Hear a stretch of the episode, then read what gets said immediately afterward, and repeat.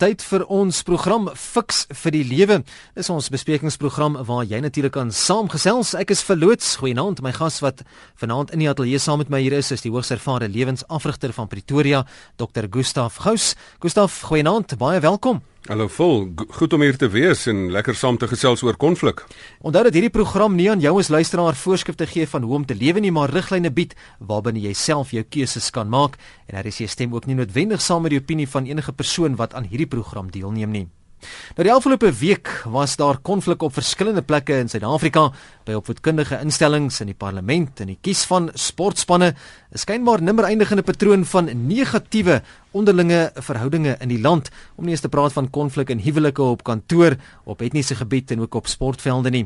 Nou hoe hanteer 'n mens konflik? Dis tog die belangrike ding waarby ons moet uitkom want konflik is 'n alledaagse ding en op verskillende vlakke wat ons konflik ook sien en voel aan ons lywe.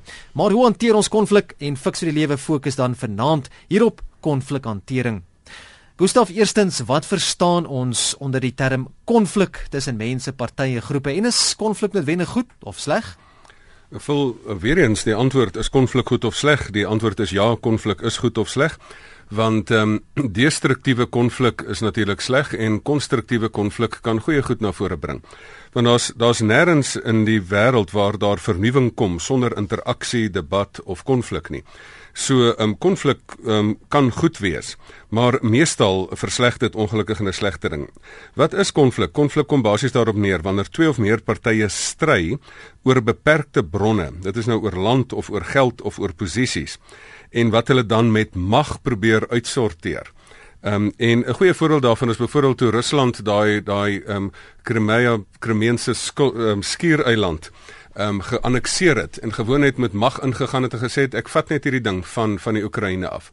En um, dan en dit is 'n klassieke voorbeeld van hoe konflik is. Ek het die mag, ek stap in, ek vat jou goed en ek en, en ek kyk vir julle en ek sê wat gaan julle daaraan doen? Ehm um, so dit is 'n dit is die een boelie manier van konflik. Ehm um, die ander manier is dat ander mense dan nou maar net ingee, dan het jy nou maar net toegee. So 'n klassieke voorbeeld is dat mense stry oor beperkte bronne, maar dan ook stry oor waardes en oor die waarheid. Baie konflik gaan oor die waarheid en oor waardes. Ek sien op Facebook het Cecilia al reeds slant weet sien uit na nog 'n treffer program. Ongelukkig ken ek sulke mense wat floreer en leef van konflik. Dan sê Cecilia by ek hoop hulle luister vanaand. Nou, watter soorte konflik om aan te sluit by Cecilia krye mense en op watter terreine van die lewe? Ehm um, vol ek dink die die die klein stukkies konflik wat mense maar by die werk het is irritasie en dan frustrasie en dan word dit woede en en maar dan kan dit tot geweld oorgaan of dan verbale geweld of ondermynende geweld of in die rugstekery en dies meer maar dan kan dit ook volskaalse oorlog word. Die probleem met oorlog is oorlog bepaal nie wie reg is nie, dit bepaal net wie oor is. Ehm um, so wie oorbly na die tyd. So so as 'n mens op daai op daai radikale konflik kom, dan moet jy nou weet, jy's nou in die moeilikheid. Nou die terreine van die lewe waarop dit plaasvind, is hierdie ligte irritasies tot oorlog vind op alle terreine plaas. Dit vind nie net tussen lande plaas nie, dit vind nie net tussen rasse of etniese groepe plaas nie. Ehm um, dit vind ook in huwelike plaas. Uh, dit vind ook in die werkplek plaas. Ehm um, dit vind ook tussen politieke partye plaas in in gesinsverhoudinge tussen ouer kinders en jonger kinders. Ehm um, so hierdie konflik is op alle terreine van die lewe. So dis nou een van die mees waardevolle dinge waarvoor 'n mens fiks vir die lewe moet word, hierdie kwessie van konflik. Onthou ons praat lekker prakties ook in die program Fix vir die lewe en ons gaan ook vanaand natuurlik by praktiese raad uitkom spesifiek oor hoe ons hierdie konflik moet hanteer. Sodra ons nou eers 'n bietjie uitgepluis het wat alles konflik is en watter tipe mense kry watter terreine van die lewe. Ek sien ook op Facebook het Stefanie Venter laat weet baie ernstig en dit is dis dis tog waar baie mense ook wonder Gustaf. Stefanie wat sê is Suid-Afrika op pad na 'n revolusie? Al die onrus op die paaie oral op die land waar die plaaslike mense die paaie blokkeer en ook jong mense wat in opstand kom teen gevestigde instansies. Baie mense voel uitgesluit en nie deel van die welstand wat sommiges het nie. Baie armes voel hulle het geen toekoms nie en word nie raak gesien as hulle nie gewelddadig optree nie. Weet asof asof dit dalk die enigste uitweg is vir mense hier hierdie konflik. Wel ons het die vorige keer al gesê dat wanneer hierdie probleem nie opgelos word nie, wanneer mense nie voel hulle gehoor word nie, dan gooi hulle hulle hulle goeders uit die kot uit. So um, ek dink dit is 'n geval van dat in Suid-Afrika is daar ook nou mense wat die kortpad probeer vat want die moeiliker proses is, is om konflik op 'n konstruktiewe manier op te los. Die maklike manier is om gou maar net iets af te brand en 'n stukkie media aandag te kry en dan ja. um, dan dit te doen. Ehm um, so dit is dit is die dit is eintlik die luiaardse pad om dit op daai manier ehm um, te doen. Maar feit van die saak is Suid-Afrika um, het hierdie ding op 'n baie konflikhantering op 'n baie goeie manier nodig om 'n eenvoudige rede dat mense nou op mekaar se tone begin trap en uh, daar's eintlik mense wat ook wil moeilikheid soek. Mm, As jy mm. ook kyk na die na die regsprosesse wat mense rondom die rugby probeer invoer het. Dit is letterlik 'n gemoeilikheid soekery um, wat mense nou daar probeer op die tafel sit um, om net eintlik aandag te trek in die hele proses. Nou hoe ontstaan konflik, Gustaf, en hoe moontlik is dit om konflik te om konflik te vermy? Is dit dalk reg om dit te probeer vermy? Vol, soos ek gesê het, die rede vir konflik is dat mense oor grondgebied of oor geld of oor bronne of oor posisie um, bekleierery op tou sit. Die verdere ding waarvoor mense um, oor konflik um, het, is die hele kwessie van waarheid, is die kwessie van waardes. As mense nou oor 'n spesifieke ding sterk voel soos oor um, een of ander verhoudingssaak of oor 'n nuwe stuk wetgewing wat deur is of oor waardes of selfs in familie, wat is waardevol? Is dit waardevol of is dat waardevol? Um, dan word daar spesifiek nou konflik daaroor nou um, op geopper. Die vraag wat jy vra is om konflik te vermy. Is dit nou 'n goeie ding? Ja. Um, Die iemand het eendag gesê wat is beter as teenwoordigheid van gees in konflik en toe daai persoon gesê maar afwesigheid van liggaam. So hier en daar is daar 'n stukkie konflik waar jy e-, eerder maar moet uitgaan. As daar 'n groot bus op jou afry, dan wat doen jy? Dan kom jy maar uit die pad uit. Jy vermy die konflik. Maar dit is maar een van 5 konflikhanteringsmaniere wat 'n mens nou maar kan doen. Die die die die twee um, navorsers, um, Kenneth Thomas en Ralph Kilman, het in 1974 'n konflikinstrument geskep, 'n mooi psigometriese toetsie. En daar het hulle 5 maniere van 'n konflikhantering het hulle eintlik mooi daar gesit en die een het gesê maar ek kan kompeteer. So ek kan nou met jou staan en kompeteer en dan kan ek nou kyk of ek nou wen en jy dalk verloor. En die ander een is akkommodeer dat ons nou maar gaan sit en ehm um, dat ek nou maar net ingee as as jy inkom Ehm um, soos die ouens grappenderwys gesê het in die Tweede Wêreldoorlog toe die een land die ander een inval, toe die ander een hulle sommer dadelik oorgegee. Dit is ehm, 'n um, geval van jy akkommodeer sommer dadelik. Ehm um, en dan die ander een is dan vermyding. Dit is dan wat jy die konflik probeer vermy. Die ander een is 'n kompromie probeer bereik. En dit is dan die 50-50 ehm um, pr proses van oplossing dat jy op die manier probeer sê maar as ek dan wen dan dan moet ons die koek nou 50-50 verdeel en as ons dan nou verloor moet ons die skuld 50-50 verdeel. Dan is daar ook die laaste ene en dit is dan samewerking wat uiteraard nou die beste van die van die verskillende maniere van konflikhantering is. Die probleem is party mense sê die enigste manier van konflikhantering is hierdie samewerking een waar jy nou vir die tradisionele wen-wen situasie gaan. Maar daar's ook 'n plek vir al vir al hierdie ander konflikhanteringsmaniere. Daar's baie keer wat jy net eenvoudig as iemand my my ehm um, my kind wil probeer doodmaak, dan gaan ek in 'n dan gaan ek in 'n kompeterende houding inkom en ek gaan net daai persoon probeer uit die pad uit kry. Mhm. Ehm um, so daar's nie eers 'n kwessie van goue stukkie onderhandeling nie. Ehm um, daar's baie keer wat jy sommer net akkommodeer. Iemand het eendag gesê, "Wat noem jy 'n terroris met 'n geweer? Jy noem hom meneer." Ehm um, wat noem noem jy 'n terroris sonder 'n geweer? Jou simpel terroris. Ehm um, so ehm um, so daar's baie keer wanneer jy net maar met akkommodeer en net sê okay nou vat nou maar die goed en hoop ek kan net my lewe bou. Ehm um, en dan is daar 'n tyd wat jy moet die konflik vermy. Hy wat beklei en weghardloop, leef om 'n volgende dag verder te beklei. Hmm. So baie keer moet jy nou maar weghardloop. Maar samewerking is uiteraard in 'n gewone goeie normale situasie is dit die beste en die tweede beste is dan daai kompromis situasie van 50-50 konflik. Ons gesels vanaand in die program Fix vir die lewe oor konflikhantering. Hoe moet ons konflik hanteer wat ons elke dag oor ons pad tog kry? Nou, baie mense, Gustaf, is baie sensitief, soms oorsensitief. Engelse praat van very touchy. Ehm uh, moet ek van iemand dalk probeer om nie met hom te verskil nie, juis om konflik te probeer vermy of dalk omdat ek bang is dit kan op konflik uitloop? Wel dit is ongelukkig die die die probleem in in baie huwelike. Daar's baie mense wat in vrees probeer um bestuur. 'n ja. Goeie diktator van 'n land probeer mense um, doodmaak, probeer mense in die publiek uh, in die moeilikheid laat beland en hulle so hard slaan dat al die mense, al die mense nou glad nie wil opstaan, opstand kom nie en nie waag om hulle monde oop te maak nie. En daar word enige tegniek gebruik deur diktators. Dit is 'n ou taktik van diktators Maar daar is ook huweliks ehm um, maats, huweliks bullies en dit is nie net mans wat dit teenoor vrouens doen nie, dis baie keer ook vrouens wat dit teenoor mans doen dat hulle so te kere gaan en so gil en te kere gaan en so hard um, optree dat die ander persoon nou maar net later net moet opgee en net stil bly. Dat hulle eintlik so met 'n blitskrieg um, van oorlog maak en hard afkom op mense. Nou eintlik maar die die gesprek probeer doodmaak en dan um, en dan is die ander persoon te bang om nou maar 'n woord te sê. So ek dink dit is ook 'n klassieke voorbeeld van wat wat mense doen. Uiteraard moet jy mense nie dan stil bly nie. Jy moet vir jou uit 'n uit 'n posisie van krag uit, jy moet in 'n nuwe posisie van krag kom waar jy nie deur hierdie ander persoon kan seergemaak of um, doodgemaak kan word nie. En dan moet jy weer terugtreë in die situasie. Maar dit is baie hartseer dat dat mense um, so in 'n situasie van vrees leef dat hulle te bang is om net hulle mond oop te maak in 'n konfliksituasie.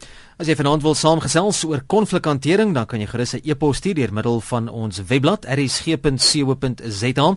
Die Facebook fasiliteit is ook daar. Dis Fix vir die Lewe op Facebook. Dis die bladsy se naam Fix vir die Lewe. Gaan like hom en gaan lewer kommentaar of gesels saam daar of jy kan net al jy skakel 089 1104553. Ek is verloots en my gas in die ateljee vanaand is ons lewensafrigter Dr. Gustaf Gous. Net weer die nommer in die ateljee 089 1104553.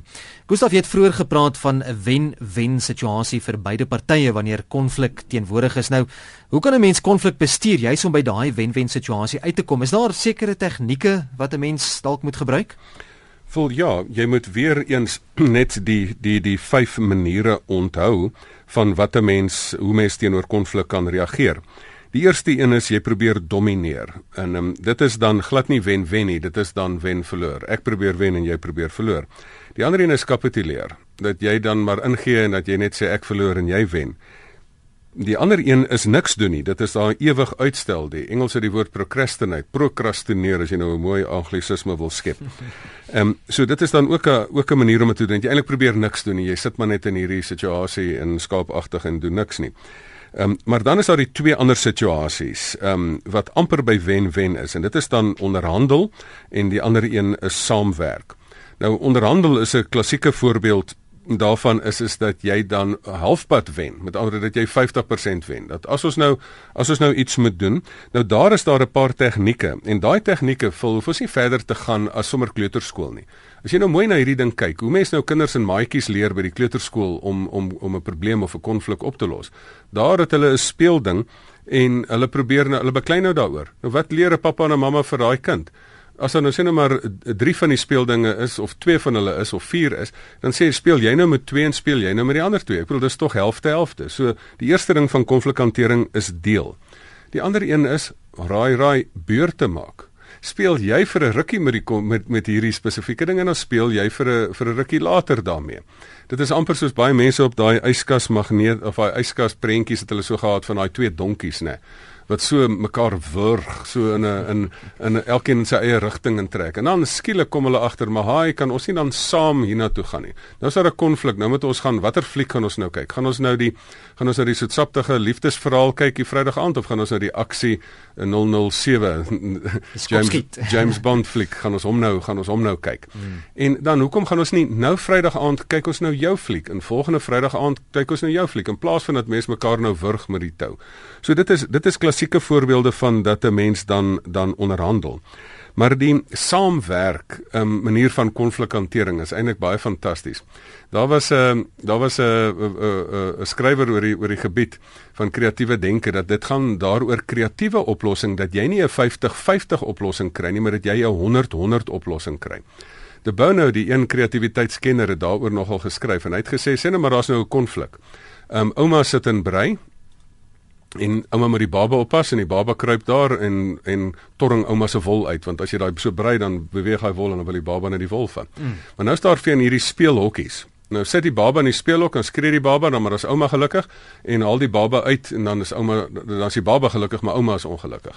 Nou kreatiewe probleemoplossing is nou helfte helfte dat die baba nou maar vir 'n helfte rukkie skree en dat ouma nou maar vir 'n helfte rukkie kreun. Ehm um, dit is nou dit is net 50-50. Maar weet jy wat hy te voorstel? Ehm um, sit vir ouma in die speelhok en die baba buite. Dan kan ouma 100% ehm um, kan ouma 100% brei en die baba is vry buite. So dit is nou 'n klassieke voorbeeld van van 'n kreatiewe probleemoplossing, kreatiewe konflikoplossing dat jy saamwerk dat albei nie 50-50 kry nie, maar 100% 100% wen. Ek gee weer die telefoonnommer as jy graag wil skakel en deelneem of 'n vraag wil vra vir Dr. Gustaf Gous, jy kan so maak 089 1104553 onthou ons SMS lyn is tans nie beskikbaar nie. Moenie SMS stuur nie. Die telefoonnommer 0891104553 e-pos deur middel van ons webblad rsg.co.za ek sien ook iemand vra of die program op potgooi beskikbaar is. Antoni ja al die programme is beskikbaar op potgooi. Dis RSG se webblad. Jy kan hulle gerus daar gaan aflaai. As jy van die vorige programme ook weer wil luister vanaand sal so deur die loop van môre dinsdag op die laaste beskikbaar wees. Ons gesels vanaand vanaand oor konflikhantering Dr. Gustaf Gous in die ateljee. Ek is verloots en kom ons gaan voort met ons program vanaand. Gustaf, wat doen ek wanneer ek konflik met iemand anders wil oplos? Jy weet byvoorbeeld in 'n huwelik op kantoor of self skool, universiteit, weet nie wat elkeen se persoonlike situasie is nie, maar die feit van die saak is daardie persoon stel nie belang om die konflik op te los nie. Vol, dit is 'n baie baie moeilike ding, want weet jy, dit sien ek baie keer in huwelike en dit sien ek ook in in werksplekke. Daar is mense wat 'n sekere magsposisie het en 'n sekere destruktiewe tegniek aangeleer het en hulle het weggekom daarmee deur al die jare dat hulle skielik net met 'n blitskrieg probeer boelie en dan dan wegkom daarmee. En ehm um, so daar's ook mense wat in um, in in huwelike doelbewus moeilikheid soek. Dis wat ek in die begin gesê het, daar's die mense wat ehm um, nie net maagsere kry nie wat dit wat wat dit nou maar moet sluk nie, maar is mense wat maagsere gee wat heeltyd die konflik probeer veroorsaak.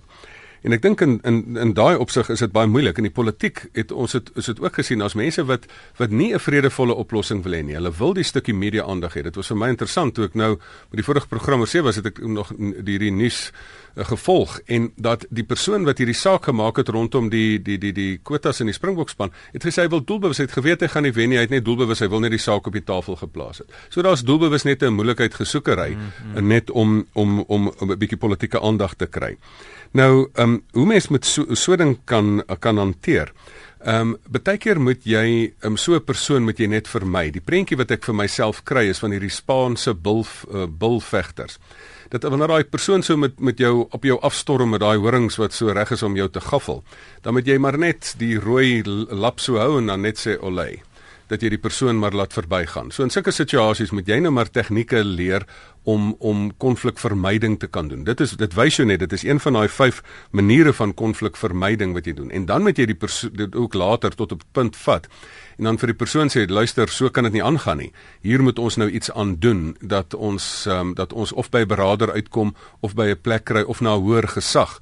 In so 'n situasie moet jy veral jou dan beroep op 'n hoër gesag of dan na 'n uh, arbiter um, in so 'n situasie. Want die hele veld van konflikhantering waar ons nou vanaand nie gesels nie, het dan ook die ander uh, veld van mediasie en arbitrasie wat dit dan ook ook daar het. En as dit dan regtig wild raak, dan moet jy dit in na daai rigting toestuur. Kom ons neem oproepe by 0891104553. Fiks vir die lewe goeie naand. Goeie naam, meneer, is maar nie van toe of ek wil net hoor hoe maar as jy nou as die man miskien nou vir jou uh hele geslaan dan dit ook, ook maar los. Wij gaan weer over die draad sê vir dankie. Dis nou 'n situasie as iemand jou nou hard geslaan het, moet jy dit nou los. Ek dink die hele kwessie van wil jy die die konflik laat eskaleer? Wil jy dit vat twee mense om te dans. Dit vat twee mense om 'n konflik te laat eskaleer. So, ehm um, as jy die ding vermy, ehm um, dan dit is baie keer die groter man is, baie keer die sterker man ehm um, wat in 'n situasie ehm um, net opstaan en sê kan die ander wang draai. Die Bybel het juist gesê kan die ander wang draai. Die ander wang draai is nie 'n swak opsie nie. Die ander wang draai is is, is 'n posisie van uiterste krag ehm um, wat jy vir iemand sê. Ek het ek het in my persoonlike lewe so iets beleef op skool dat mense met geweld te ding wil wil opgelos het en selfs vuishoue geplant het. En my skoolmaat sal onthou dat wat ek daar gedoen het is ek het glad net nie betrokke geraak in die hele situasie nie. Ehm um, en hoe van my baie sterk maats gesê het hulle sal die ander ons uitsorteer, dink ek is die situasie gewen hmm. deurdat jy nie op jou op dieselfde laaf vlak laat daal as wat die ander persoon wat tot geweld probeer oorgaan nie. Goeienaand, fiks vir die lewe. Goeienaand. Ehm um, ek wil graag anoniem bly. Sekerlik. Uh ek wil net graag hoor as ek getroud is Uh dis nou my tweede huwelik en my man aanvaar glad nie my kinders nie. En my skoonma bly by ons en sy probeer ons huwelik verwoes. Hoe staan hoe, hoe en my man wil ook glad nie na my familie toe gaan nie. Uh, dit is dit veroorsaak verskriklike konflik. Ek sou graag net u raad en leiding luister oor die radio asseblief. Dankie. So situasie sal ek graag meer ehm um, meer inligting oor wil hê voor 'n mens kan inspreek in die situasie want daar's gewoonlik 'n mags ehm um, wanbalans. As jy uh, genoeg geld het en jy het genoeg um, uh, persoonlikheidskrag en dis meer en 'n heenkome, dan kan jy baie keer 'n grens stel en sê luister man, hier as dit so aangaan, dan kan jy nou maar jou goed vat en loop. Ehm um, want um, want dit mag 'n mens nie toelaat nie. Mens mag nie toelaat dat jy verniel word nie. As mens in 'n situasie is waar jy finansiëel afhanklik is en dis meer, dan is dit baie moeilik want dan het ander mense probeer nou hulle ge gewaande posisie van mag probeer hulle gebruik om jou te manipuleer. Ehm um, en en ek dink in daai situasie is dit dan ook so van ehm um, eintlik moet 'n mens ook grense stel. Die hele kwessie van of skoonfamilie by jou mag bly, daar moet 'n mens ook grense stel en sê luister, is dit nou in hierdie ding? Ehm um, um, moet skoonmaaier bly? Wie gee vir haar die reg om hier te bly? Ehm um, ehm um, so ek dink daar sit jy in 'n situasie waar jy moet baie mooi dink oor oor hierdie ding. Die beste sal wees is jy moet 'n beraader gaan gesels dat 'n mens die in, want ek kan nie vir jou raad gee as 'n mens nie daai interne kragte van die situasie verstaan nie. So gaan na jou naaste beraader toe, 'n pastoor, priester, predikant, sielkundige, ehm um, lewensafrigter en gaan gesels trap hierdie situasie uit want jy moet jouself beskerm, so kan dit nie aangaan nie. Ek sien Rina het laat weet op Facebook die Fix vir die Lewe bladsy Rina sê konflik se oorsaak, naamlik verskille, moet in hoofletters uitgesorteer word, anders word dit net 'n groter pitsweer. As dit nie met positiewe gesprekvoering uitgesorteer kan word nie, moet die wapen opgeneem word. 'n Streepie revolusie. Laasgenoemde is sekerlik waarop die land afstuur want kyk hoe lyk die parlementsittings, daar is geen logika meer nie, sê Rina. Ek dink die ou ding van emosionele intelligensie is as jy nie kan uitpraat nie, dan probeer jy dit nou maar uitslaan. Uitbeklei. Ehm um, so ek dink dit is dit is dit is waar. Dit is omdat ons in hierdie land uh, wat eintlik nogal jammer is, want die die probleem van die politieke wêreld is hulle wil ehm um, hulle wil stemme om um, eintlik agter hulle self skaar. En jy kry nie stemme op 'n sagte, sagmoedige manier nie. Jy moet een of ander harde ding doen en 'n harde hou slaan en dan met mense voel, "O, oh, jy's die man wat nou so sterk is en ons moet jou nou volg." So ongelukkig leen die politieke wêreld om maar so bietjie na konflik. Maar eintlik is die politiek maar 'n um, uh, uh, oorlogvrye um verskille. So die politiek moet 'n mens ook nou maar mans genoeg wees om daarin te staan en dan die die houe te vat. Mense moet dit net op 'n etiese manier doen want in in polities um, is dit nou maar goed dat mense vir mekaar die waarheid kalk op die waarheid vertel. Want onthou uh, dit is die belangrike wat ons vir mekaar moet sê is dat ehm um, dat daar is enige nuwe vernuwing, enige nuwe vordering het interaksie, konflik, argumentasie, debatte ensovoorts nodig. En daarvoor is is daar die twee opsies, daar's of burgeroorlog of 'n parlement nodig. En in die parlement moet die mense maar hard kan praat en reguit kan praat. En daarom moet 'n spreker maar die debat reguleer dat mense regtig kan praat. Want as jy mense se stem probeer stil maak um, wat wat graag iets wil sê, dan verskuif die ding na van die parlement na die strate toe. Konflikhantering, dit is ons onderwerp vanaand in die program Fix die Lewe Dr. Gustaf Gou saam met my in die ateljee. Ek is verloots as jy laat by ons ingeskakel het. Jy is altyd welkom op RSG tussen 100 en 104 FM. As ons bietjie kyk na persoonlikhede en waardes. Ek meen mense se persoonlikhede verskil, waardes verskil, agtergrond verskil, hoe jy grootgemaak is, groot geword het. Watter rol speel iemand se persoonlikheid en waardes as dit kom by konflik? Vol is baie interessant. Die bekendste persoonlikheidstoets van alle tye is die MBTI toets, die Myers-Briggs Type Indicator. En in die spesifieke toets praat hulle oor polariteite. So die vier goed wat gemeet word, is jy dan ook 'n introwert of 'n ekstrovert? Is jy 'n denker of 'n gevoelspersoon? Is jy 'n intuïsiepersoon of 'n persepsiepersoon of is jy 'n veroordeelpersoon of 'n waarnemende persoon? Nou dit is so sogenaamd die J in in die MBTI, die judging persoon of die perceiving, die waarnemende persoon. Nou, ehm um, die interessante groep binne daai persoonlikheidskategorie is juis hierdie polariteit tussen tussen waarnemend en tussen oordelend. Nou 'n oordelende persoon het 'n stel reëls, die wêreld moet so wees en dan kyk jy nou dan beoordeel jy heeltyd die wêreld en die wêreld konformeer nie aan my stel reëls nie, so nou moet ek die wêreld heeltyd so intoe vat. Nou daai persoon is heeltyd in konflik met die wêreld, want ek het hierdie perfekte prentjie van die wêreld wat ek nou die perfekte prentjie het en nou moet alles konformeer aan my perfekte prentjie um, die die die waarnemende persone soos fotografiepapier. Ehm um, jy laat die werklikheid op jou ontwikkel. So daai persoon het baie meer vrede in die lewe. Ek is nie in stryd met alles nie. Alles is nie verkeerd nie. Ek ek laat goed ontwikkel op my. En laat nou 'n J persoon 'n waarnemende judging persoon nou trou met 'n met 'n waarnemende perceiving persoon. Dan het jy nou lekker lekker konflik en dit is in in in werksituasies is dit die dit dieselfde. So ehm um, en so ek dink daar is daar is baie van die goeters wat dan direk amper met konflik te doen het.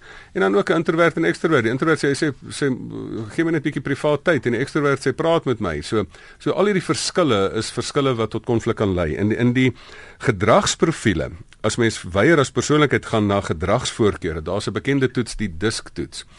En die spesifieke dit disktoets is die D die een wat wil domineer en die U wil inspireer en die S wil stabiliteit hê en die C is die een wat wat regtig getrou net daai klein deeltjie van die wêreld mooi wil bestuur, die conscientious een, die baie pligsgetroue een. En en die D en die S, die D wil domineer en alles verander. Die S wil alles net stabiel hou. Nou kan jy nou dink wat se konflikpotensiaal lê daar. Die I persoon wil alles net vorentoe gaan en die en die en die C persoon wil net sê maar jy sien nie die detail raak nie. So gewoonlik is baie van die besigheidskonflik het niks met waardes te doen nie. Dit sommer net met persoonlikhede rondom die tafel te doen. En daarom in baie bestuurskonsultasies help ek net vir mense dat hulle hulle persoonlikhede en hulle gedragsvoorkeure om die tafel verstaan en dan gaan die konflik minder wees want as die aandeelhouers baie keer weet wat se aklige konflik uh, um, en die onvermoë in in die in die besigheids um, um, bestuurspanne plaasvind en dat hulle daar um, besef maar hoe sleg dit bestuur word dan sal die aandeleprys sommer daal. So ek dink in daai opsig is dit 'n baie eenvoudige, relatief goedkoop en 'n effektiewe proses sodat besigheidsprosesse beter kan verloop. Nou dit is die effek van persoonlikheid en gedragsvoorkeure daarop, maar waardes is 'n reuse groot konflik. Ek bedoel as jy na die waardebasis kyk van die demokratiese party en die konservatiewe party. Wêreldwyd is daar strominge dat daar 'n liberale politiek is wat net sê alles kan nou maar gaan en die konservatiewe is ons moet alles net behou wat eintlik ook so 'n bietjie laf is want eintlik moet jy die goeie goed met jou bou en die die die die ehm um, slegte goed laat gaan en jy moet die goeie um, ander nuwe goeders inlaat en en so voort. So ek dink op 'n kort op die, die lank en kort daarvan is dat dat as jy in hierdie waarde wêreld ingaan dan is dit eintlik die grondoorsaak. Onthou ek in die begin het ek gesê, wat is die oorsaak van konflik? Ehm um, grondgebied en waarheid. Hmm. Ek sien ook Chris het laat weet op die Facebook bladsy. Hy sê voordat ek bietjie met jou gesels oor Bybelse riglyne want daar's baie navraag daaroor ook uh, Gustaf. Chris het laat weet hy sê konstruktiewe konflik waar twee mense mekaar se standpunt kan insien en oopkop kan gesels oor 'n situasie kan twee mense of meer nader bring aan mekaar. Hy sê dit gaan oor gesprek. Dit is presies die die die kern van alle konflik. Dit is of dit nou kruiskulturele konflik is of dit nou huwelikskonflik is. Die metafoor wat ek daarvoor gebruik vol is en wat ek ook nou in die blog en 'n prentjie in gaan sit en ook op die Facebookblad gesit het, um, is die hele kwessie van 'n battery. Um, in 'n battery dink baie keer mense daar's 'n positiewe en 'n negatiewe pool. En dan in 'n huwelik dink mense nou maar um, die een is nou die positiewe en die een is die negatiewe. Die een het hierdie waardes en die ander het daai waardes. Die een het die standpunt en die ander het daai standpunt. Nou in 'n huwelik dan dink jy die baie keer is 'n konflik huwelik is die een wil hê die ander een moet soos ek word. Dis die ou storie wat ek al 'n paar keer gesê het, 'n slegte huwelik, die huweliksdag is die eenwording van twee persone en die res van die huwelik is om te beklei watter een. Nou, ehm um, die as jy na 'n battery kyk, dan dan as die negatief soos die positiewe word, dan is die battery pap. En as jy dan van hierdie kabels vat wanneer jy 'n kar moet um, met wat se battery pap geword het, jy moet nou met ander kabels met jy vat en dis 'n sterk battery en jy raak daai twee kabels se se punt aan mekaar, dan waai die vonke. En dit is wat baie keer in huwelike en in bestuurspanne en besighede gebeur. So hulle het nie die vermoë om daai konflik in in deeste in konstruktiewe konflik om te sit nie. Maar as jy nou 'n liggie vat, 'n mooi van hierdie gloeilampies ehm um, hierdie hierdie afliggies wat jy so in die dak van 'n van huise kry en jy raak daai twee puntjies aan daai battery, dan skyn daar 'n lig. So dit is vir my die klassieke voorbeeld van hoe destruktiewe konflik konstruktiewe konflik kan word. En daarvoor moet 'n mens dan bereid wees om te luister. En die luister is jy moet beurte maak. Jy moet gewoon sê wat is hierdie persoon se se se se ehm um, se standpunt? Ehm um, jy moet eers sê wat is die probleem? Sit die probleem op die tafel. Dan luister jy na die argumente weerskant toe. Jy het nou tyd om te praat sonder dat ek jou in die rede val. Hmm. Dan die ander een tyd om te praat sonder dat jy in die rede geval word. Dan ontwikkel 'n mens en evalueer mens opsies. Dan kom mens tot 'n besluit, tot ehm, 'n um, ooreenkoms en 'n en 'n oplossing. En na die tyd dan gaan sit jy en sê maar wat het ons geleer uit hierdie situasie? So dis in kort die die die metode wat jy volg om destruktiewe konflik in konstruktiewe konflik te omskep is 'n geskakel by RSG Fix vir die lewe die naam van die program. Ek is verloots Dr. Gustaf Gous, soos lewensafrigter in die ateljee ons gesels vanaand oor konflikhantering. Kom ons kom 'n bietjie by Bybelse riglyne. Gustaf, hier's heelwat luisteraar navraag ook juis daaroor by e-pos fasiliteit ook 'n paar daar gekry. Nou die Bybelse riglyn vir konflikhantering is om 'n vredemaker te wees. As ons 'n bietjie kyk na Romeine 12 vers 18 staan daar as dit moontlik is sover dit van julle afhang, leef in vrede met alle mense. Maar kom ons kom by die praktyk uit en dis tog wat fiksie die lewe altyd wil doen, ons wil prakties wees, Gustaf. Hoe moontlik is dit om hierdie Bybelse riglyn wel prakties toe te pas? Vol en is nog meer radikaal as dit dat dat dat ons opdrag is dat die bediening van die versoening is aan ons opgedra. Maar dit behels nie presies as ek nou weer die battery voorbeeld vat. Dit behels nie dat die ehm um, almal nou eners denkend moet raak nie. Versoening is die versoening tussen die negatiewe pool en die en die positiewe pool van 'n battery waar daar dan kreatiewe spanning kan plaasvind. So natuurlik moet daar vrede wees. Maar die belangrike wat ons nou hier moet uitklaar is, vrede is nie die afwesigheid van konflik nie. Maar dit is om konflik op 'n vredevolle en 'n effektiewe manier te bestuur. So vrede is nie die afwesigheid van konflik nie. Ehm um, dit is weghardloop. Dit is konflikvermyding of dit is om dit dan met 'n vinnige blitskrieg dan sommer net iemand te oorweldig. Ehm um, dit is vrede kom uit daai situasie is waar daar dan tussen mense geregmatigde posisies is wat 'n mens dan op 'n vredevolle en op 'n effektiewe manier by mekaar uitkom. Staan daar nie vol in Spreuke 27 vers 17 dat daar staan eyster slyp eyster en een mens vorm die ander mens nie. Ehm um, vol hoe slyp mense diamant met konflik? Dit is een diamant wat 'n ander diamant slyp. So ek dink hier moet ons nie nie sê dat ons uh, in 'n konflikvrye wêreld wil wil leef nie. Asseblief nie. Ek wil nie in 'n konflikvrye wêreld leef nie want anders gaan almal dalk dieselfde dink en almal gaan dalk verkeerd dink. Daar moet juis verskille van opinie wees. Um, maar dat 'n mens dan in vrede daar kan saamleef. En veral vir my die interessante is hoe hoe kerkmense mekaar verketter en mekaar verskriklik sleg sê. En dit is dan juis die mense wat dan eh, Romeine 12 vers 18 moet lees dat jy in vrede met almal moet kan kan saamleef. Nou daai vrede is nie dat 'n mens nie gesprek voer nie, die vrede is dat mense juis gesprek voer. Waar het die formulerings van die Christelike kerk vandaan gekom? Van Christelike konsilies, van gespreksgeleenthede waar hulle presies die die roete gevat het. Hulle het presies die die die proses wat ek net nou uiteengesit het, het hulle gevolg. Identifiseer die probleem, sit die probleem op die tafel. Sit dan argumente van teendeel en daarvoor op die tafel. Ehm um, kry dan opsies hoe jy hierdie ding gaan oplos. Kom dan tot 'n ooreenkoms um, of dit nou met met 'n stemming is en of dit nou um nou um, um almal daarvoor stem en dan op die ou ende dan wat leer mense uit die proses uit. Ons gesels vanaand oor konflikhantering en baie van die terugvoer wat ek ook sien, Gustaf gaan oor werksituasies. Baie mense sukkel by die werk. Ek het merk ook hier op Facebook het iemand laat weet hoe gemaak met 'n kollega, ek gaan hom nie jou naam noem nie. Uh, hoe gemaak met 'n kollega wat net aanhou praat as daar 'n probleem ontstaan in die werksplek? Selfs al praat mens mooi, ignoreer die kollega mens en nou aanpraat. Ek was hierdie week in so 'n situasie waar hierdie kollega my in aanhalingstekens doodgepraat het. Selfs al het ek 6 keer mooi gevra. Meneer X luister net na my.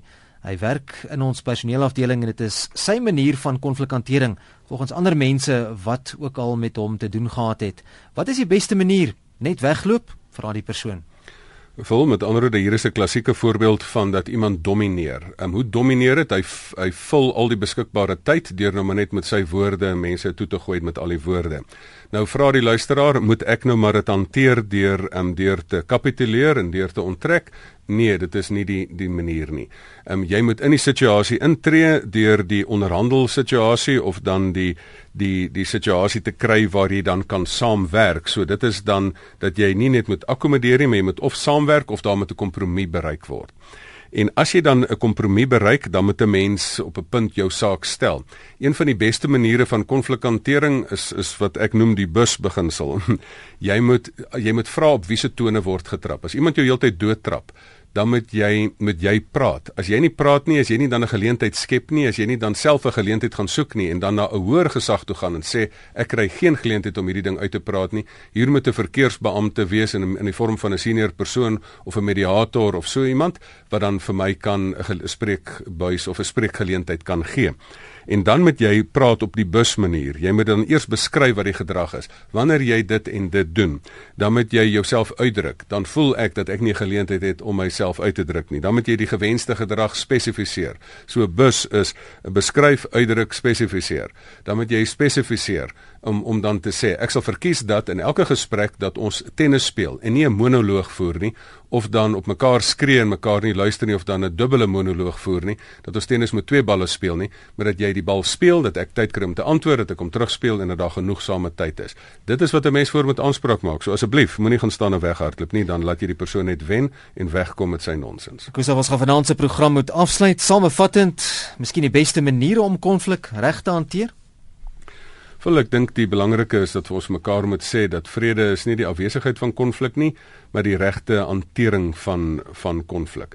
Um, ons moet ook vir onsself sê dat in huwelike moet mense dit nie vermy nie, mense moet net leer om dit te hanteer. Mense moet dit ook baie keer leer om dit vir die kinders te hanteer dat hulle ook kan leer hoe om konflik reg te bestuur, dat hulle die voorbeeld kry van nie van skreeende ouers of swygende ouers nie, maar dat hulle ook die voorbeeld kry van hoe mense kind uh, hoe mense ouers dit uh, reg kan oplos. Die korte lank daarvan is, onthou die 5 posisies wat jy kan doen in konflikhantering. Jy kan of probeer domineer deur te kompeteer en te net te wen of jy kan kapituleer deur net te akkommodeer um, of jy kan dan niks doen nie deur net net te sit en en en dit te probeer te vermy of jy kan dan die twee goeie roetes volg deur te onderhandel die kreatiewe spanning te volg van 50-50 wen of 50-50 deel of 50-50 verloor deel of jy kan saamwerk om 'n kreatiewe 100% oplossing te kry. Hoe doen jy dit? Deur beurte te maak, deur te deel, deur 'n ooreenkomsarea te kry dat jy party mense se belange op die veld neersit en dan sê maar waar is daar dat ons albei tevrede stel en dan 'n 100% situasie hier uitskep. Ons moet vanaand se program afsluit. Fiks vir die lewe baie dankie aan almal wat saamgepraat het en ook dokter Gustaf Gous vir die insette. Gustaf, waar kan ons luisteraars met jou kontak maak? Vol die lekkerste sal wees as mense vir my wil kontak op my e-pos uh, gustaf@gustafgous.co.za um, of dan op die Facebook bladsy en as mense net vanaand so 'n bietjie op die Facebook bladsy nog is, um, voor oor 'n uur van nou af gaan daar eh, 'n uh, lekker uh, blog ook oor hierdie onderwerp op die Facebook bladsy vir die mense wees. Gesels ook gerus met my vul by rsg.co.za.